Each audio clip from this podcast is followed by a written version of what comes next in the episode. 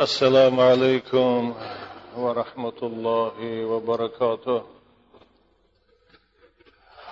عاشقان مدرسه محمدی پیش از آغاز صحبت اولا همه شما را به این روز مبارک روز عبادت بهترین روزهای هفته تبریک و تهنیت می‌گویم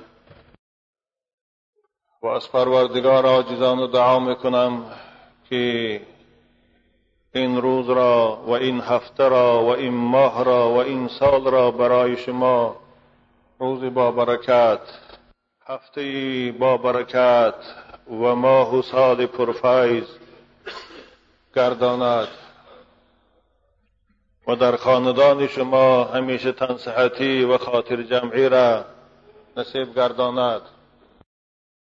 و در کسب و کار شما پروردگار برکت و موفقیت نصیب گرداند. و ناراحتی و ناآرامی و ناتینجی که در خاندانتان دارید و در کارخانه هاتان دارید. و در دوکاناتان دارید. پروردگار این ناراحتی را این ناآرامی را از شما دور گرداند.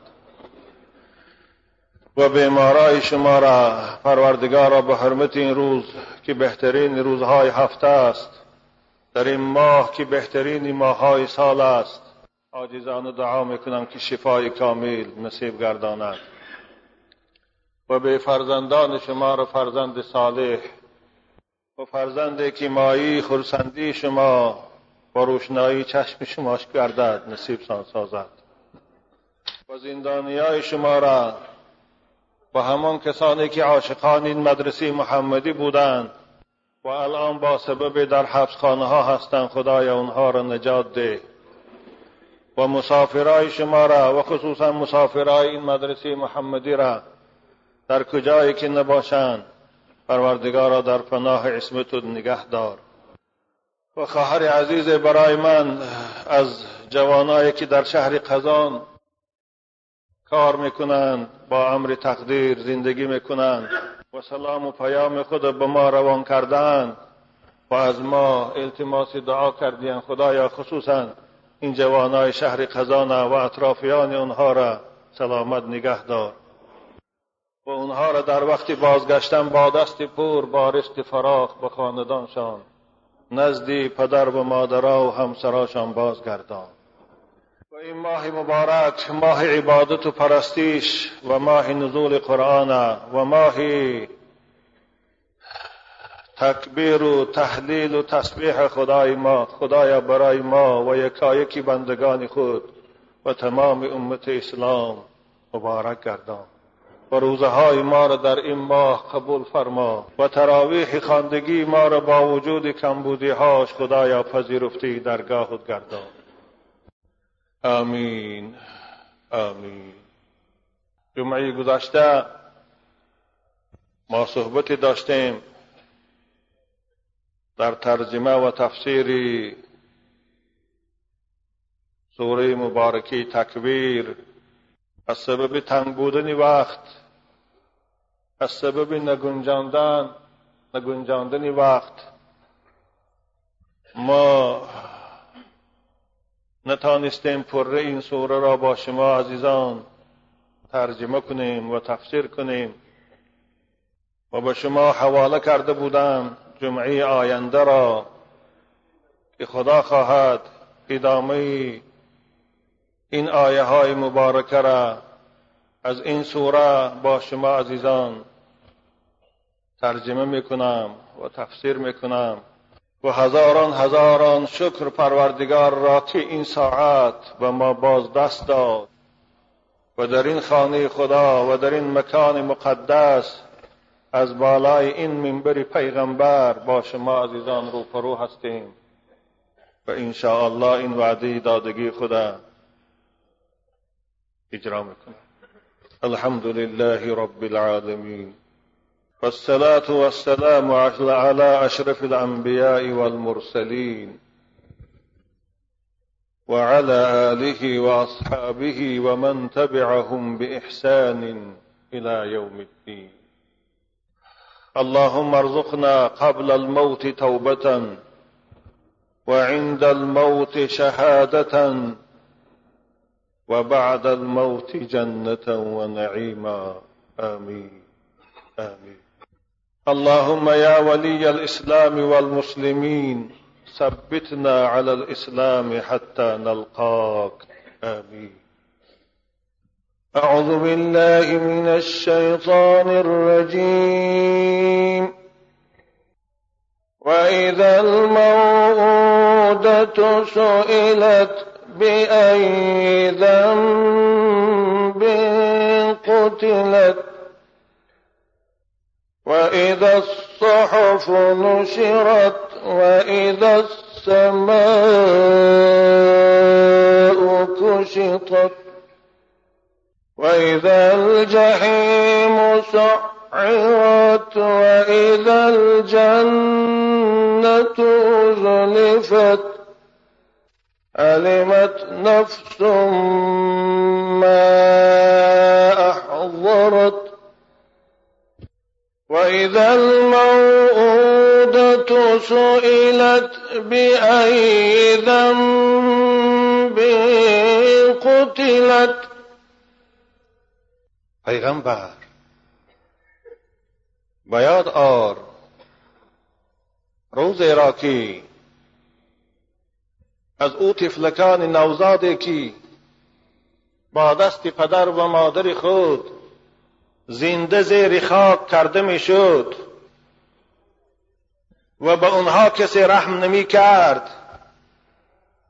در پیشگاه با عظمت پروردگار از این دخترکانی نوزاد خرسال پرسیده می شود.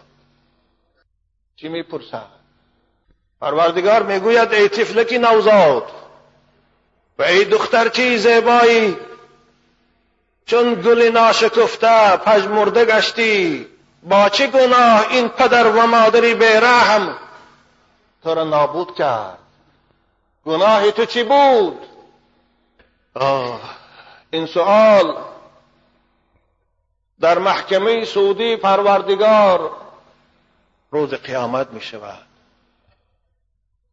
اما جمعی گذشته صحبت ما با آن واقعات بود که پیش از وقوع قیامت پیش از به وجود آمدن قیامت رخ می‌داد. ما به آنجا رسیدیم که زمین با همه کوهاش بحرهاش آکیانهاش از بین رفت. و این فضای کنار با همه کهکشانهاش از بین رفت. زمینی دیگری که شاید زمینی ما در نزد آن مانند یک موی یک جزء از موی بدن آن از جزء آن باشد مفسرین کرام می‌گویند با امر پروردگار پیدا گشت. یوم تبدل الارض والسماوات يوم تبدل الارض غير الارض والسماوات وبرزوا لله الواحد القهار. این زمین ما با همه بزرگیش. شاید مفسرین کرام می‌گویند یک جزء که خوردی از آن زمین محشر است. مانند که در بدن ما یک موی چقدر جا را احاطه می‌کند این زمین ما نسبت به آن زمین یک جزء که خوردی اوست. آه زمین هموار. جنبنده در روی آن نمی جنبد. یگان موجود زنده نیست که در روی آن نفس کشد. با این منوال چل سال می گذرد چل سال. همه خاموش. حتی ملائکه های مقرب الهی جبرائیل و امین میکائیل اسرافیل عزرائیل اونها هم نیست. همه شربت مرگ میچشند. چل سال میگذرد. رسول اکرم گفتند ما بین النفقتین اربعون سنه بین سور اول و سور ثانی زنده شدن چل سال است.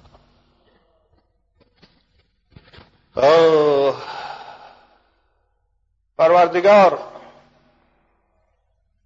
باران را امر می‌کند از زیر عرش خود باریدن می‌گیرد.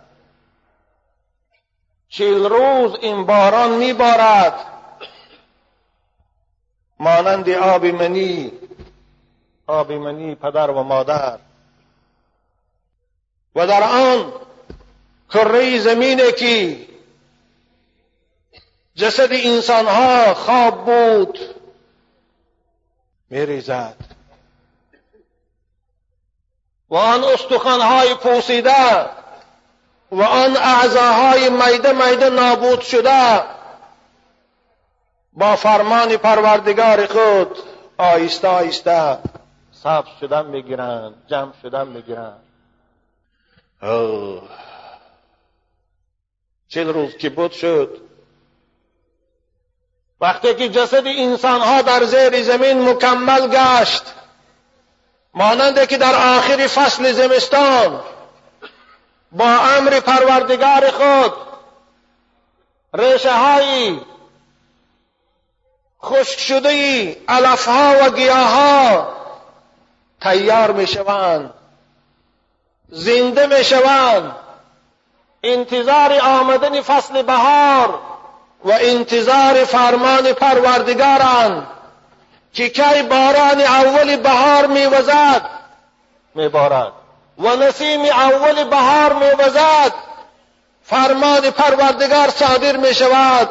زمین پاره می شود و ما بیرون ببراییم جسدهای ما و شما هم تیار. منتظر فرمان. یا فانظر الى آثار رحمت الله کیف یحیی الارض بعد موتها. ای منکر قیامت! چشم کشا با دیده عبرت به زمین خوش شده نگاه کن که چگونه در آمدن فصل بهار این زمین خوش شده با سبزیده و با برآمدن گیاه ها زنده می شود. نگاه کن. همه تیار. اول کی زنده می شود؟ کی زنده می شود؟ كل من عليها فان. ويبقى وجه ربك ذو الجلال والإكرام. پروردگار سپارش ادهاد فرمانی. اول خدا فرمانی یکم خدا. در روز قیامت. صادر می‌کند. چی می‌گوید؟ ولیبعثن ولیبعثن اسرافیل پروردگار فرمان می‌دهد که باید زنده شود. باید برخیزد اسرافیل از جای خود. وقتی که این فرمان الهی صادر می شود حضرت اسرافیل علیه السلام آن ملائکی مقرب درگاه که معکل به دمانیدن سور است از جا می خیزد الحمدلله. پروردگار میگد اسرافیل سور در دهان بگیر. رسول اکرم از سور قرن من نور. شیپور است از نور. که تمامی شماری روحهایی در عالم بوده در داخل آن تاقچه ها هست سوراخی ها هست. در داخل آن تاقچه ها روحها قرار دارند. پروردگار میگه سوره گیر. حضرت اسرافیل می‌گیرند. منتظر فرمان الهی که آیا دمد یا نه؟ آیا پف کند یا نه؟ منتظر فرمان. چشم به سوی عرش الهی. لبها نهاده در شیپور ناگهان فرمان پروردگار صادر بشود. بصورة دما حضرت اسرافیل علیه السلام و السلام سوره میدماند یعنی صدای از این شیپور عالم فرا می‌گیرد. ببین قرآن چی میگوید؟ بسم الله الرحمن الرحیم. فإذا نفخ في الصور فإذا هم من الأجداث إلى ربهم ينسلون. يا الله. روحا. بعد از دمیدن اسرافیل از این کرنه جدا می شوند و هر روح به سوی جسدی که در دنیا او را آباد کرده بود در دنیا او را زنده گردانده بود چند ساله در آن بدن می دراید حضرت اسرافیل می‌گوید ایتها العظام النخره ایتها اللحوم المتناثره قوموا لفصل القضاء بين يدي الله رب العالمين. ای استخوان های پوسیده رفته ای گوشت های پراکنده و ای اعضاهای خاک شده جمع شوید و آماده خستن شوید و آماده حاضر شدن در پیشگاه پروردگار خود باشید. الله. فإذا نفخ في الصور فإذا هم من الأجداث إلى ربهم ينسلون قالوا يا ويلنا من بعثنا من مرقدنا. يا الله. با أمر پروردگار خود روحها در بدن میدمند و زمین پاره می شود مفسرین کرام می‌گویند از جانب سر زمین پاره شدن می‌گیرد. جسدهای ما از زیر زمین خیستن می‌گیرند. اما چه خیستنی؟ با همین لباس ها با همین تحپوش ها با همون کفن های سفید. نه. کما بدأنا اول خلق نعیده. بار اول از مادر چگونه آمدی؟ وقتی که از مادر آمدی نه لباس داشتی نه ختنه کرده شده بودی؟ مانند این از قبر میخیزی. در بدن تو نه لباس است. نه ختنه کرده شده. رسول اکرم می‌گویند یحشر الناس حفاتا عراتا غرلا. روز قیامت پروردگار بندگان خدا از قبرها از زمین میخیزاند از زیر او. باطنی برهنه. با بدن عریان با پای لچ ختنه ناشده. یا الله. حضرت عایشه مادر من از شنیدن این سخن پیغمبر به طاقت شدن گفتن یا رسول الله واح فضیحتا الرجال و النساء پیغمبر بزرگوار چه شرمندگی است آن روز؟ مرد و زن همه برابر عریان از مادر شدگی میخیزند. ینظر بعضنا الى بعض. یکدیگر تماشا می‌کنند. چه روز شرمندگی است؟ حدث صحیح است رسول اکرم گفتن عایشه الامر اصعب من هذا.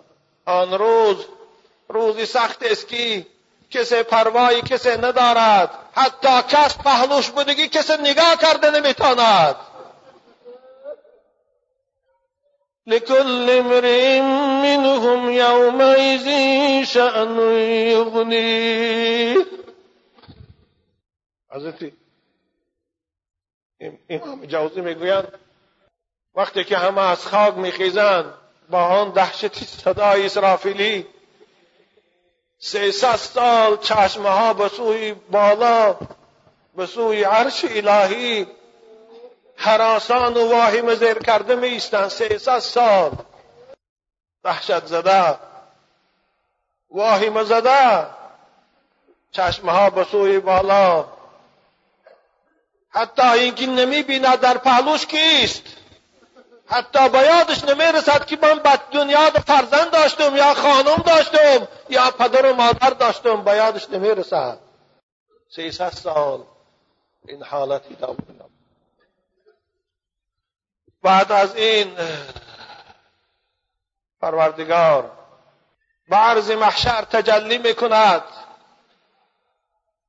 و ملائکه های او که اطراف محشر پیچانده می‌گیرند. محکمه سودی پروردگار آغاز می شود مرافعه سودی هر یکی از بندگان او در این دنیا بودند شروع می شود آن روز منکران قیامت فریاد می‌کشند. آن روز داد می‌زنند. آن روز انگشت حسرت میگزند.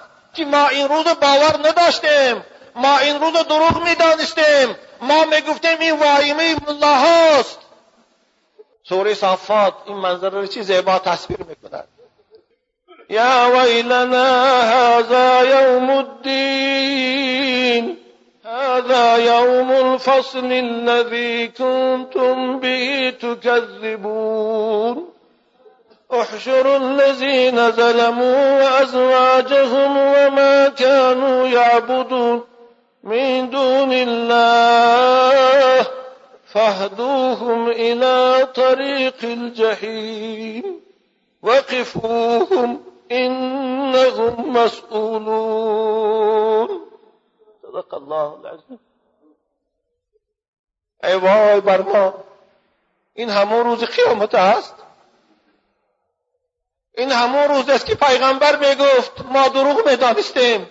این همون روز است که داعی ها و علماء ها می‌گفتیم ما شوخی میفهمیدیم همون روز است.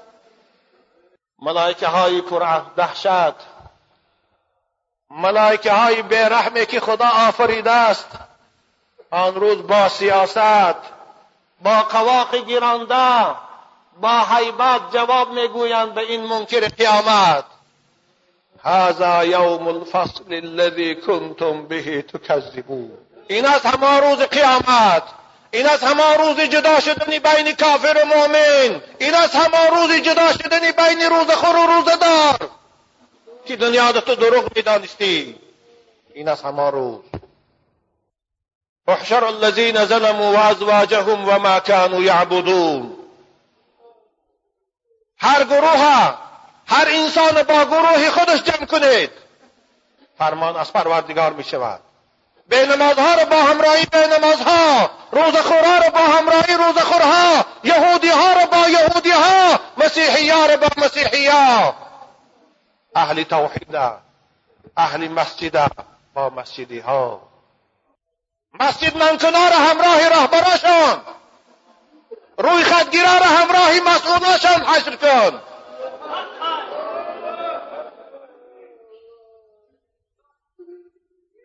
وقفوهم وقفوهم انهم مسئولون اینها را زود به دوزخ نبرید.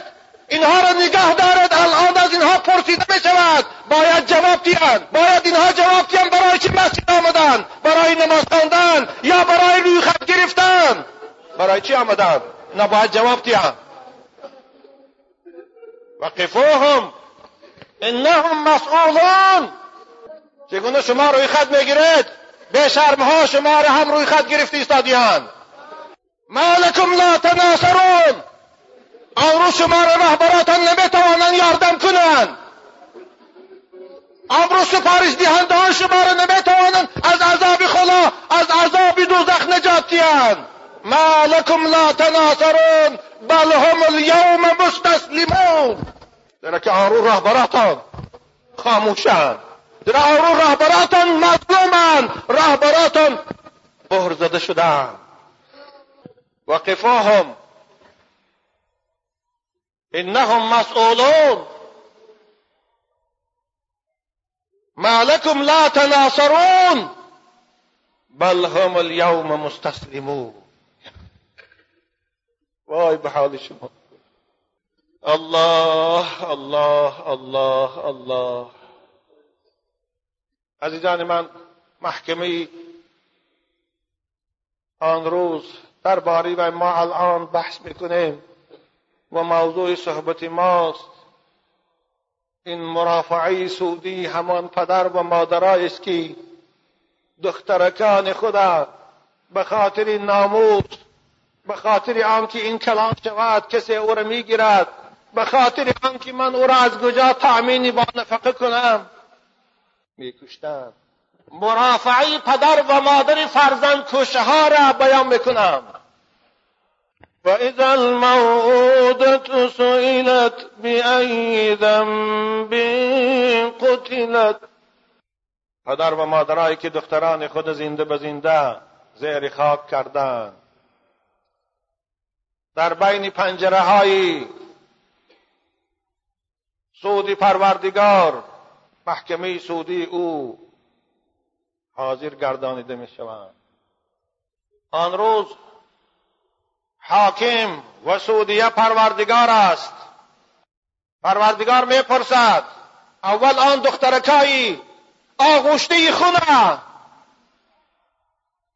آن دخترکانی که نافی اونها نابریده است اونها را اول پی بیارد. رسول اکرم صلی الله علیه و سلم میفرمایند إن المرأة التي تقتل ولدها تأتي يوم القيامة معلقا ولدها بثدييها متلطخا بدمها وتقول يا رب هذه أمي وهذه قتلتني. پیغمبر خدا میگه أمان مادر یا پدرتی دخترچی خود نابود کرده بود زنده به زنده زیر خاک کرده بود. وقتی که در محکمه سودی حاضر می شود این دخترچی کشته شده گناه. با دو دست خود از دو سینه مادر می‌گیرد آغوشته خون. به پروردگار مراجعت می‌کنه میگه خدایا همین بود مادری من. همین بود که من کشت. نموند که من دنیا دو عمر بینم. پروردگار می‌پرسد بی ای زنبین قتلت؟ به چی گناه تو رو کشت؟ به خاطر ناموس. به خاطر ترس گرسنگی و تشنگی. به خاطر عقیده های به اصل خود که ملائکه ها دخترای خدا هستند باید دخترها به دخترای خدا یک جایی شوند. این سوال پیش از که از پدر و مادر شود از این طفلکان خرسال می شود به خاطر توبیخ و تهدید بر پدر و مادر است. وقتی که از این طفلک سوال شود در آن محکمه سودی چه جایی که او قاتل کجا خلاص می شود؟ الله. زمان جاهلیت. زمانی که اسلام زمانی که قرآن نبود قبیله های بودن در جزیره عرب که دختران خدا زنده به زنده زیری خاک می‌کردند. حضرت عبدالله ابن عباس می‌گوید مادر وقتی که نزدی تولد کنش فرا می رسید وقتی که وضع حملش نزدیک می شد از خانه بیرون می رفت و سو چقریه می کند و در لب چقری می نشست وقتی که فرزندی به دنیا آوردی او اگر پسر می بود او را می گرفت. اگر دختر می بود در همون فقری کندگی خود می پرتاف بالای او خاک می گردان این بود حالی انسان های پیش از اسلام. قرآن در سوره نحلم این منظره را بیان می کند بسم الله الرحمن الرحیم. وإذا بشر أحدهم بالأنثى زل وجهه مسودا وهو كظيم. يتوارى من القوم من سوء ما بشر به. أيمسكه على هون أم يدسه في التراب؟ أيمسكه على هون أم يدسه في التراب وقتی که پدر در خانه دختر تولد می‌شد کسی از او سیوانچه می‌گرفت. کسی به او خبر می‌داد که الان خانمی تو دختر کرده است. او چنان غمگین می‌شد چنان آشفته خاطر می‌شد که چهرهش سیاه میگشت از نظر مردمان خودش پنهان می‌کرد. در فکر آن بود که چگونه این دخترچی به دنیا آمدش نابود کند یا اینکه جای برات پرتاید که کسی از احوال به خبردار نشود. این بود. حالی انسان های زمان جاهلیت حضرت عمر رضی الله تعالی عنه می‌گوید عاصی بن قیس رضی الله تعالی عنه پیش پیغمبر خدا آمدند. گفتن یا رسول الله اینی وعدت عشر بنات لی فی الجاهلیه. من ده دخترچی خدا در زمان جاهلیتم زنده به زنده نابود کردم. ده الان خدا منو به اسلام مشرف کرد. من از این کار خود پشیمانم من میترسم که خدا من روز قیامت می‌پرسد. من چیکار کنم؟ حضرت گفتن اعتق عن كل واحدة منهن رقبة. گفتن تو به عوض هر یک دخترچه که زنده به زنده نابودش کردی یک غلام آزاد کن. یک غلام آزاد کن. پروردگار گناه تو رو گذره گفت یا رسول الله اینی زو اینی صاحب ابل من اشتر بسیار دارم غلام ندارم گفتم حضرت گفتن این هر عن کل واحدت منهن بدنتن.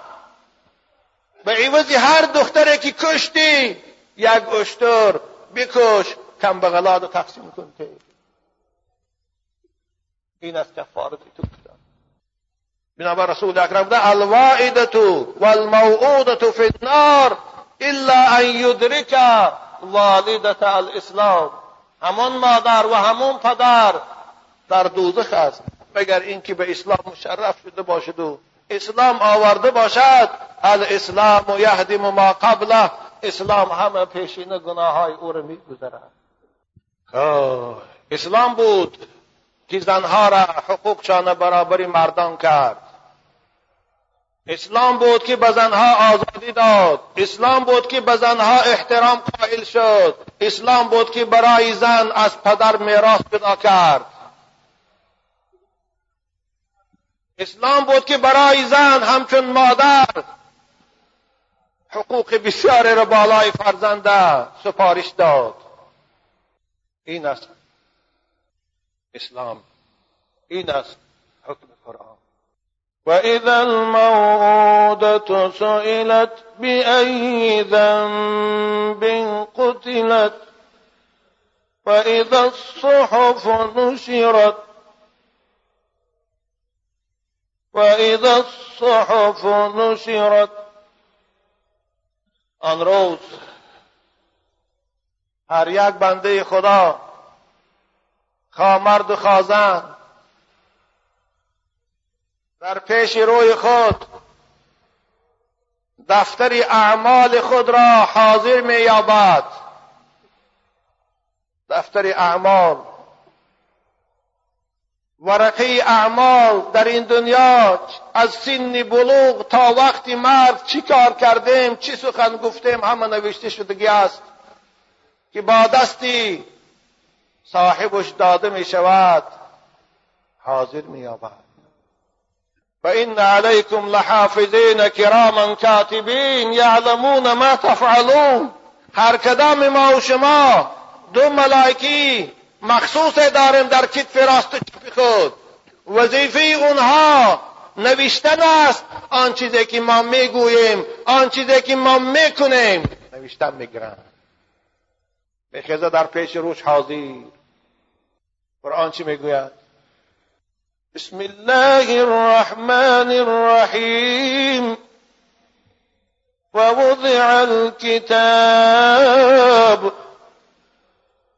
فترى المجرمين مشفقين مما فيه.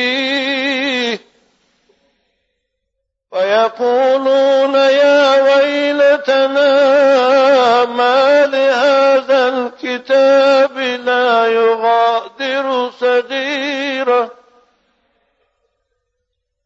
يا ويلتنا ما لهذا الكتاب لا يغادر صغيرة ولا كبيرة إلا أحصاها. ووجدوا ما عملوا حاضرا. ولا يظلم ربك أحدا. صدق الله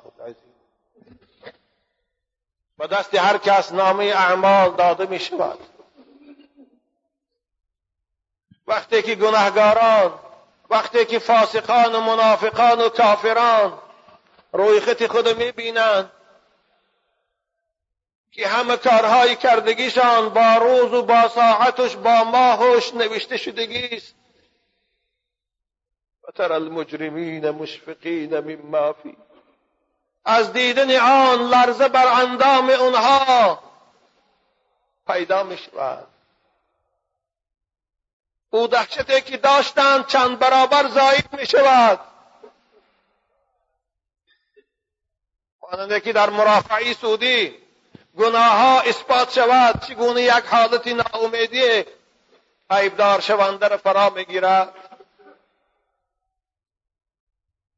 بعد از نگاه کردن آن فریاد می‌کشد. ای وای بر من. این چگونه کتاب است؟ این چگونه دفتر است که یگان کاری که من کرده بودم در دنیا نه کلان و نه میده از وی پنهان نیست؟ آخر من لبی دریا خلوت رفته بودم. آخر من در طرفخانه او کمره های تاریک تنها دو بدون نشسته بودم. زلبودگی منو نمی‌دیدن تاریک بود. حالا طرفخانه های ما. حجره های دو کسی مخصوص با چراغای خیره تا اینکه او فاسقی کسی نبیند. اما این فاسقی بدبخت به خبر از آن که دو ملائکه همراهیش است. به خبر از آن که اعضای بدنش او را شاهده است. به خبر از آن که خودی همون پاره زمین بالاش شاهد است از این به خبر فاتقوا الله فی امکم الارض. خدا میگه بندگان خدا از زمین ترسه. این زمین مادر شماست. این زمین شاهد شماست. لا یغادر صغیرة ولا کبیرة الا احصاها. همش نوشته شده. و وجدوا ما عملوا حاضرا. رو در پیش روی خود. حاضر می یابد حضرت شیخ رحمت الله علیه می‌گوید. وفات کرد. بعد از وفات کسی او را در خواب دید. پرسید که ای بزرگوار از حال خود به ما خبر ده که در عالم قبر چیکار کردی؟ از شیخ شبلی از اولیاء متقدمین است. گفتند دوست عزیز وقتی که از این عالم رخت سفر بستم وقتی که من در خانه قبر گذاشتند روح من در حالتی محاسبه قرار دادن دیدم همه زلات وای به حال ما وقتی که شبلی حالش این باشد دیدم همه لغزش گناه همه کمبودی و سیعات گفتم خدایا من از خواندن این شعر میدارم. فرمان آمد که بخوان. وقتی که گناه می‌کردی شرم نداشتی؟ بخوان چاره نداری بخوان. اقرأ کتابک. کفا بنفسك اليوم عليك حسیبا. حضرت شبلی می‌گوید گفتم خداوندا می‌خوانم. می‌خوانم. فرمان تو رو اجرا می‌کنم. اما با این شرطی که من در نزد این بسیاری شرمنده نکنی. کاش که جای خلوت می بود. و حشرناهم فلم نغادر منهم احدا. ووضع الكتاب. یا الله. می‌خوانم اما من شرمنده نکن پروردگار دریای رحمتوش جوش زد. گفت شبلی وقتی که در دنیا گناه می‌کردی تو رو شرمنده نکردم. اکنون که امروز می‌خوانی تو رو شرمنده کنم؟ نه. وقد عفوت عنک من همه کمبودی های تو رو گذاشتم. خدایا خدایا ما رو هم عفو کن. حضرت حسن بصری رحمت الله علیه به ما و شما نصیحت کرده می‌گوید تفسیر همی آیه کلمه که ابن آدم بسطت لك صحيفتك ووكل لك ملكان كريمان كاتبان ای بچه آدم برای تو ورقی سفید کشاده شدگی است و برای خاطر تو دو ملائکی مخصوص یکی در طرف راست یکی در طرف چپ تو وظیفه کرده شدگی است و وکل لک ملکان كريمان كاتبان فأما الذي عن يمينك فيحفظ لك الحسنات وأما الذي عن شمالك فيحفظ عليك السيئات. این ملائکه که در طرف راست توست فقط کارهای خوب تو رو می نویسد ثوابهات می نویسد خیر و احسانهات می نویسد نیکیهات می نویسد اما او ملائکه که در کتف چپ توست. فقط و فقط گناه های تو رو می نویسن تو تنها نیستی. اعمل ما شئت اقلل او اکثر. اکنون دانستی. دانستی که تو تنها نبودی. دانستی که تو به نظارت نبودی. دانستی که تو رو خدا فقط برای خوردن خواب رفتن و طرف خانه رفتن نافرید. أفحسبتم أنما خلقناكم عبسا وأنكم الینا لا ترجعون؟ دانستی اختیار داری فعمل ما شئت بکن هر کاری که تو میخواهی. تو آزادی. مانند که امروز دموکرات ها میگن آزاد است انسان. میخواهد کدام دین اختیار کند؟ میخواهد طرفخانه رود؟ میخواهد مسجد رود لیکن نه کزینا رود میلوش طرفخانه رود میلوش بازار رود میلوش تئاتر رود میلوش پترسیان می بیاد 400 دلار ده بلیت گیرد رود میلوش در شبی برآمد پترسیان بچه های مکتب خواه روان میلوش اما مسجد میلوش نه مسجد اخلاق ویران می‌کند مسجد بچه ها را از درس میماناند نرود پیش دلار دوصد پیش بلیتش دوصد دلار عقیبش هشتاد دلار.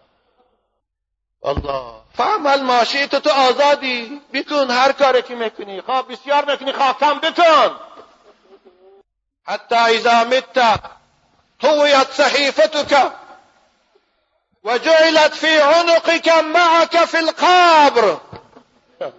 وقتی که مرگ به سراغت آمد وقتی که عمرت تمام شد وقتی که این جسدت از کار ماند وقتی که این زبانت از گفتار ماند وقتی که این چشمت از تماشا ماند. وظیفه ملائکه ها هم تمام. ورق می پیچانند مهر می‌کنند. پیچتی پروردگار است مهر می‌کند. پیچتی بوش نه. این پوتین نیست. پیچتی الله هست مهر می‌کند. در گردنت آویزان می‌کند. گردنت میپرتاد در داخل قبر او ورقه که قبرمان ها نمی بینند کامره های امروزه و عکس نمی‌گیرد. در گردنت آویزان است. وجعلت في عنقك معك في قبرك حتى تخرج.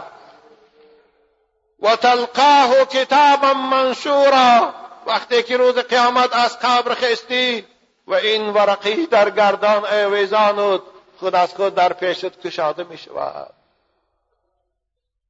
ملائکه ها با دستی راست برای مومن ها از پشت برای کافرها این کشاده می دید تلقاه منشورا. اقرأ بخان اقرأ کتابت کفا بنفسك اليوم عليك حسیبا. بخان الله الله. حضرت بچه گفتند والله والله لقد عدل من جعلك حسیب نفسی. قسم به خدا کی عدل کرد عادلانه حکم کرد همان خدایی که تو را خود بالای خودت ده رویزار قرار داد. خود بالای خودت ده حکم برار قرار داد. ولا یظلم ربک احدا. خدا ذره به کسی ظلم نمی‌کند. زیرا که پروردگار ظالما را دوست میدارد.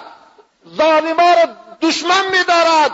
ظالما را نفرت دارد. بنابر ظلم لایق ذات او نیست. حدیث قدسی در پروردگار می‌گوید که یا عبادی انی حرمت الظلم علی نفسی و جعلته محرما علیکم فلا تظالموا.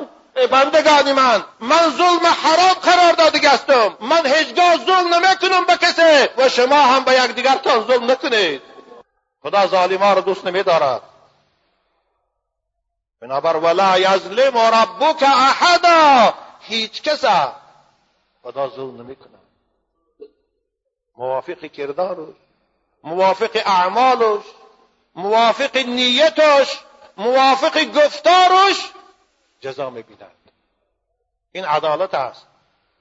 الله ونزع الموازين القسط ليوم القيامة فلا تظلم نفس شيئا وإن كان مثقال حبة خر حبة أتينا بها وكفى بنا حاسبين حضرت مولوی هم یک نظم دارد.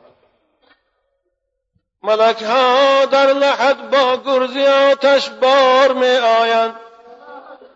ملک ها در لحد با گرزی آتش بار می آید سوالش را جوابی با ثواب از لطف و فرمان کن. چو سبزه سرکشد در روز محشر آدمی از خاک چو سبزه سرکشد در روز محشر آدمی از خاک به گرمای قیامت رحم بر این اهل عریان کن حراسان دیده در انتظاری نام بخشی ها. حراسان دیده در انتظاری نام بخشی ها. به فضل خود سعادت نام را بر دست ایمن کن ندارم از عمل جز معصیت هنگام سنج. ندارم از عمل جز معصیت هنگام سنجیدن. ترازو را گران از فضل خود در وزن میزن کن خروشی دوزخی سوزندگر حل من مزید گوید. خروشی دوزخی سوزندگر حل من مزید گوید خلاص این عاصیانی خسته را از نار سوزان کن ای خداوندا نامه اعمال ما را به دست راست دادن را در آن روز نصیب گردان. خداوندا در اون روزی که اعمال ما را میسنجی ترازوی اعمال ما را خدایا از فضل خود سنگین گردان. پروردگارا در آن روزی که دوزخی سوزندی تو حلم مزید می‌گوید با رحمت خود ما را این جسدهای ناتوان ما از این آتش دوزخ خود خلاص کردان و اذا الصحف نشرت. و اذا الصحف نشرت. و اذا السماء کشتت. و اذا السماء کشتت. و اذا الجحیم سعرت و اذا الجنة زلفت این آسمان با همه بزرگیش با همه وسعگیش با همه کهکشانهاش از بین برده می شود و دوزخ با همه دهشتش آشکار کرده می شود و ایزا الجحیم سعرت. حضرت امام قتاده میگن یسعرها غضب الله و خطایا بنی آدم. این دوزخ آتش علنگش بلند می‌سازد. اولا غضب خدا نسبت به متکبران و مجرمان و ستمگاران. دوم گناه های بندگان گناهگار. دوزخ. دوزخی که رسول اکرم صلی الله علیه و سلم در حدیث صحیح میفرمایند أوقد علیها ألف سنة حتى احمرت ثم أوقد عليها ألف سنة حتى ابيضت ثم أوقد عليها ألف سنة حتى اسودت وهي سوداء مظلمة. آتشی که دوزخی که هزار سال أو را در دادن سرخ شد. هزار سال دیگر باز در داد غضب خدا. سفید شد. هزار سال دیگر در داده شد. گرم کرده شد. سیاه شد. الان دوزخ سیاه است. تاریک است. حدیث صحیح است رسول اکرم آن دوزخ.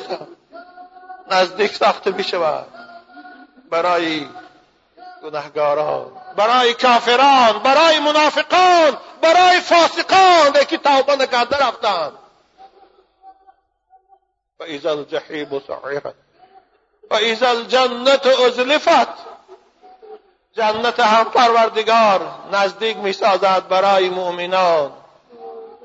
جنت با همه زیباگیهاش نزدیک می گرداند برای مقربانش برای بندگان مخلصش برای بندگان فرمانبردارش بود جنت جزای اهل احسان با احسان خلایق باش ایجاد نکویی ها نکویی می‌دهد بر. ضرر یا ضرر بخشان.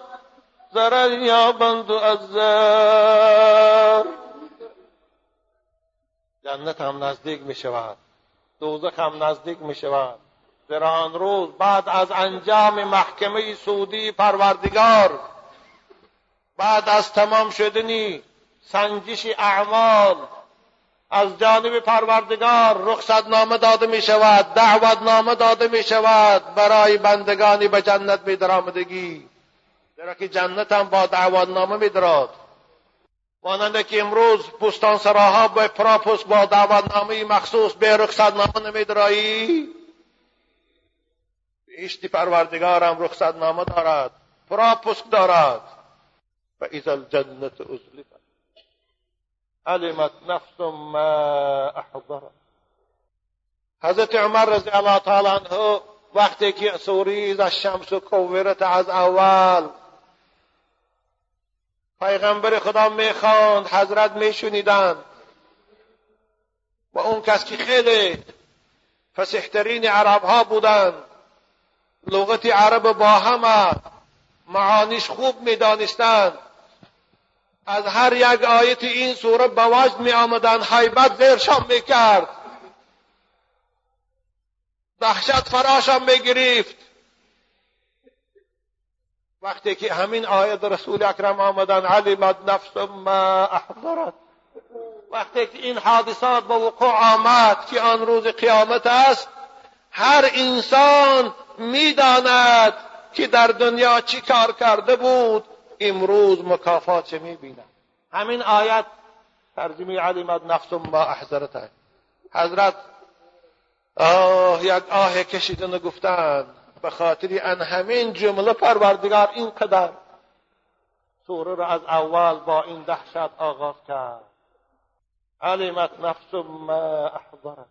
می‌داند هر انسان و کی نباشد فرمه دارد می‌داند آن روز در پیش خود حاضر هر کاری که کرده علمت نفس ما احضرت ما احضرت آره با آیت کوتاه هست اما قرآن آیه های خودش با خودش تفسیر می‌کنه قرآن چی می‌گوید؟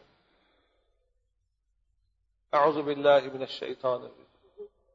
يوم تجد كل نفس ما عملت من خير محضرا وما عملت من سوء تود لو أن بينها وبينه أمدا بعيدا ويحذركم الله نفسه والله رؤوف بالعباد روز قیامت روزی است. هر انسان پاداش عمل خود در آن روز می‌بیند. همه کارهای کردگی او در پیشش آشکار می شود حاضر می شود و کسانی که گناه کردند و کسانی که راه کفر و نفاق درفتند اونها هم گناه های خود در پیش روی خود حاضر می بینند آن روز فریاد می‌کشند. ای کاش که من این گناه های خود نمی دیدم ای کاش که بین من و بین اونها دوری بین مشرق و مغرب می بود ای کاش ای کاش که من اینها را نمی دیدم و یحذرکم الله نفسه. خدا امروز شما را می ترساند ای بندگان خدا هوشیار باشید.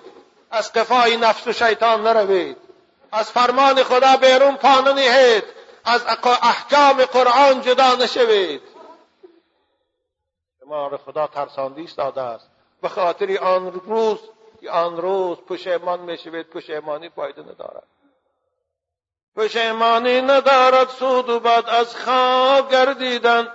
نفس تا می تپد در دیل نسازی ترک سنت را. فلا أقسم بالخنس الجوار الكنس والليل إذا عسعس والصبح إذا تنفس. اقرب ساعات و یک نزدیک شد. و این چند آیی باقی مانده را نمی توانیم غنجانیم خاطر این صحبت خود در اینجا به پایان میرسانم و آخر دعوانا ان الحمد لله رب العالمین. و این چند آیی مبارکی که الان تلاوت کردم. الله جمعی دیگه حرکت می‌کنم نیم ساعت. کوتاهتر با شما بیان سازم ترجمه تفسیر کنم.